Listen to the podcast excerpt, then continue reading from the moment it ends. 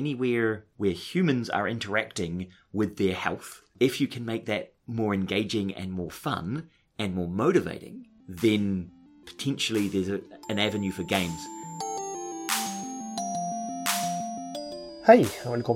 Episode Sykepleiens som denne gangen skal handle om dataspill og helse. Førsteamanuensis Simon McCallum ved NTNU på Gjøvik, som du hørte innledningsvis, han er blant dem som mener at spill kan ha et stort helsefremmende potensial. Noe han gjør sitt for å realisere gjennom både undervisning og sitt arbeid i det internasjonale nettverket Games for Health Europe. Vi skal høre mer fra ham seinere i podkasten, men først skal vi en tur innom Drammen og Villa Fredrikke. Det er et aktivitetshus for personer med demens i tidlig fase, og der har de i en årrekke hatt dataspilling som fast aktivitetstilbud hver tirsdag, og det er bowling som gjelder. Vi blei med på moroa og slo også av en prat med Vibeke Helena Juel, som er hjelpepleier med videreutdanning innen rus og psykiatri, og en del av teamet ved Villa Fredrikke. Husk på at du skulle slå meg, da. Ja, men jeg blir ferdig med dette, da.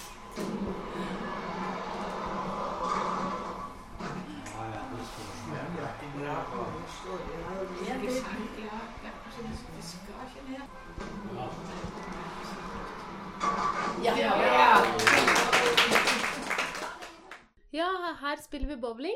Vi spiller på storskjerm. i Et spill som heter Kinect. Hvor lenge har dere holdt på med det her? Vi Vi holder på med det nå i seks år. Siden 2010.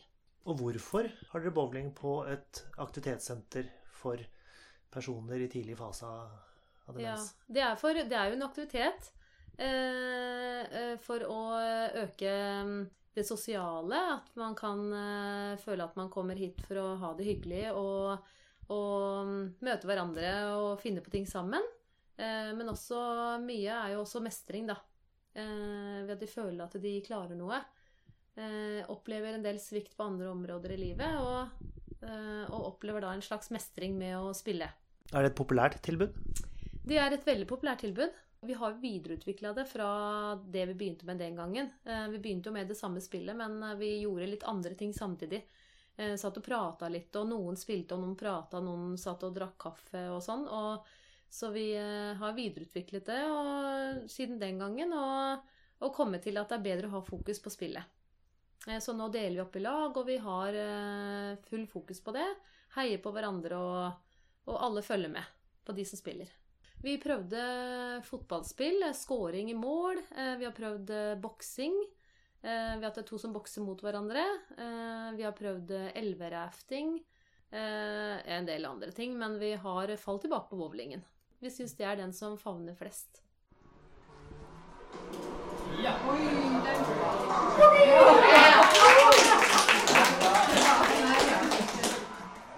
Um, hi, I'm Simon McCallum. I'm a lecturer at NTNU, and I lecture in the undergraduate game development course and in the Master of Applied Computer Science, where we focus on games, web, and mobile. We look at how you can use the power of games and the motivation and the engagement and the joy that people have for other purposes. So, for health, we look at can you help people with autism find ways of socially connecting?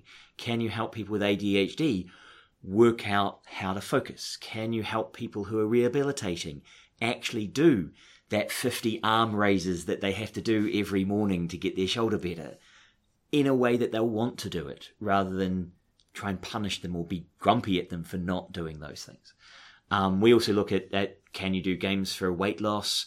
Can you give games with elderly and dementia? Can you can you delay some of those things?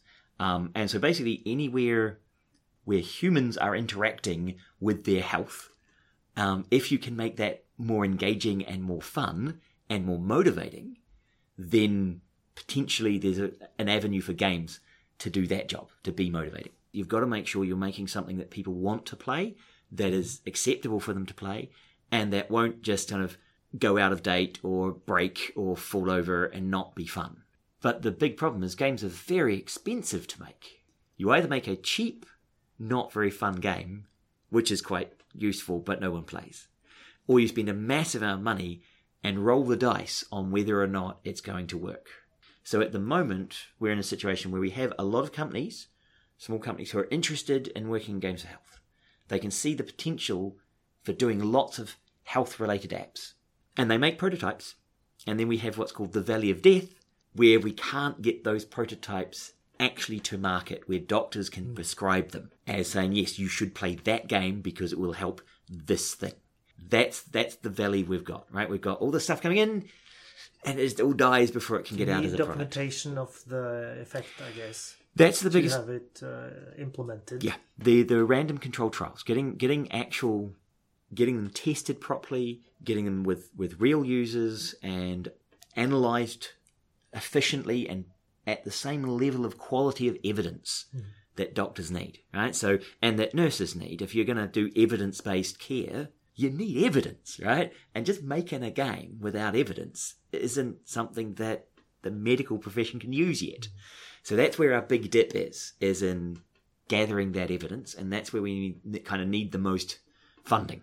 You talk about the cost of developing games, but there are also a lot of commercially available games that are supposed to uh, increase physical activity and have health uh, gains.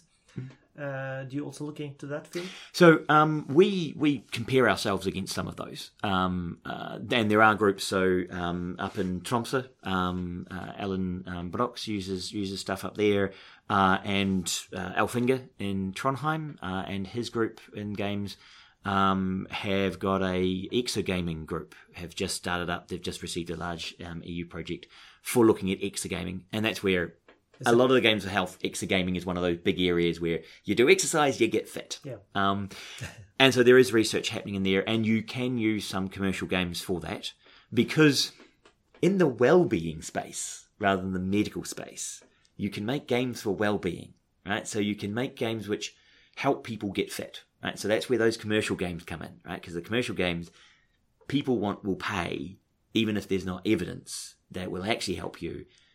They'll still go, oh well, you know, it's just to make me feel a bit better, so they pay. Um, we then look at using that com- clinically and get, try and get evidence that it does actually work when you use it like this, right?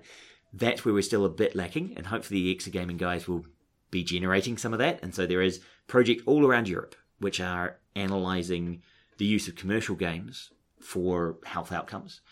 The challenge is when those games go away. So you spend a lot of time working on a game and then they stop selling it, or they change a feature that you were relying on in your experiment, and now that behaves differently in version 2 than it did in version 1. Do you have to retest that? Um, has that changed whether it's effective or not? That's a problem. It seems to be a lot of challenges. But uh, you've been working in this field for quite some years. Are you uh, getting more optimistic or more pessimistic? I I I suppose I'm I'm always optimistic, right? I always want the world to be a better place. But I'm also optimistic because there's so much pressure in society coming around dementia and around care and our options for health, right? Then and we need new solutions. We don't we can't keep going the way we are. So even though it's difficult, I think there are enough goodwill and there's enough people wanting to use games and wanting to games to be part of the solution that we just need to keep pushing and we need to keep um, pushing back the barriers, keep asking for more funding, keep working on getting better evidence, uh, working on getting modules that you can use, training nurses on how to use games effectively. Um, and I think if we just keep keep working at it, um, it will slowly and gradually increase and become more common and accepted. If you can make things more enjoyable, then people's quality of life goes up. Right? Just just as a generally, this is better if you enjoy what you're doing than if you hate what you're doing. Um, the second is the budgetary thing is if we can get it right and we can make effective games that you know um, cognitive challenge games to keep people in their own homes for longer, right? That keep them mentally fit longer, save massive amounts of money, right? Because because um, the difference between having uh, a person in in an institutionalized care versus at home care radically different. Um, if we can make learning and using new technology more enjoyable, right? Because one of the things that we're doing to a lot of our healthcare system is we're flooding it with tech, right? We're putting more and more technology into systems, right? And so people are supposed to do more on their phones and do mm. more digitally and do more remotely. But we don't really incentivize using those tools mm. other than telling you you're supposed to, right? And telling you to do stuff isn't really, it's not necessarily the best way of getting people to actually use it. So one of the things we were looking at is can we use the technology we want them to use? Make a game in that technology and out of that technology. And then the uh, health professionals are the users. Well, but yeah, health professionals or clients, whoever whoever has to use the tech, make them learn it because it's fun because there's a game around it. And once they've learnt to use the technology, it then much easier to use it formally in what they have to use it for because it's now familiar and they've already learnt to use it. Being able to combine the kind of, of power of games for logging and simulation and combining that with actual physical real world activity and interactions. Um, that's where we hopefully have the, the biggest gain for health right? Because um, you certainly can get some mental health benefits from just cognitive activity right? So doing games just on screen. But for a lot of a lot of mental conditions actually benefit from physical activity as well as as cognitive activity. So it's not it, our, our brains are linked right? They've got lots of interconnections between all the areas and physical health has a significant effect on mental health. Um, and so i think by combining those and doing something that's cognitively interesting and challenging at the same time that you're doing something physically challenging is where you kind of get the, the multiplication of the effect How do you see the changes in public opinion towards games? I think it is changing. I mean, it, it, it is partly changing from a generational point of view, right? Because um, I'm a gamer and I've been a gamer all my life. Um, and I can't really remember a time when I wasn't playing computer games. So I think there's a generational change as, as people who have accepted games are part of their lives come through. Uh, I think also with Facebook creating a lot of social games, that changed a lot of opinions where games from being antisocial, because I was always told I was antisocial um, because I was socializing with other gamers.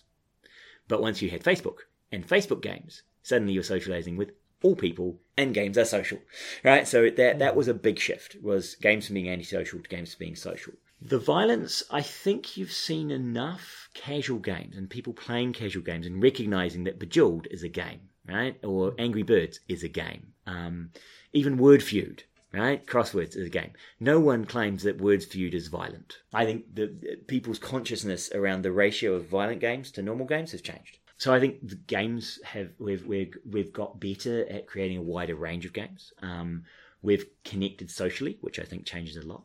Um, and I yeah I think society is changing. So and when I, we we we work with um, SeniorNet, right? So for my PhD student, we worked with them as our target group.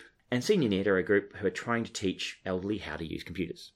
Of course, their lifespan of that organisation is probably 20 years, because in 20 years' time, there won't be anybody to teach because they already have used tech for 20, 30 years. And so for that group who haven't used games much or haven't used computers much, that group is just disappearing. I also personally think there's a change in lifelong learning. And as mammals, we play to learn. And so you play with things, you try things out. So play and games, which are an extension of play, have been how we learn stuff, right? Now, given that we all have to keep learning all the time, we have to keep that flexibility. We have to keep that uh, excitement and interest in changing things that we had as children. And one way we do that is by playing games around things and keeping playful about our attitudes and, and experimental and playing games to learn new things.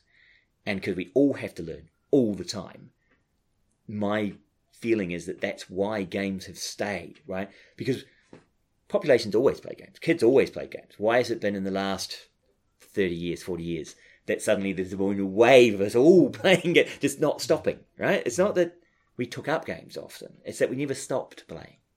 Um, and I think the lifelong learning, having to be flexible, having to deal with change all the time, means you need to experiment. You can't just get stale and stuck in one way of doing things. And games keep that thought process of trying new things, trying to get better, trying to improve, having things change, um, going up levels, that whole concept. I think that's very powerful, and that's why we've kept playing games. And so I think people who think in games and think through playfulness and experimentation are better suited to a very flexible environment, the way that the world is changing so quickly. Det var altså Simon McGullum fra NTNU i Gjøvik du hørte der. Om du vil høre flere episoder av Sykepleiens podkast, så finner du alle sammen på sykepleien.no, på iTunes og på podbean.com. Hvis du bruker iTunes, så setter vi pris på en liten anmeldelse eller vurdering, og du kan også sende det du måtte ha av kommentarer og innspill til redaksjonen at sykepleien.no. Du når oss også via Sykepleiens Facebook-side eller vår Twitter-konto. Jeg heter Ingvald Bergsagel. Vi høres.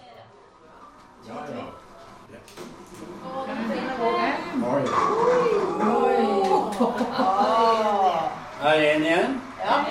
Jeg ser dårlig. altså. Det det er meg som står der. Ja, det er deg, det er. Ja, det er deg som står der, ja. ja. Er, det er, det er. Sånn det pleier å være.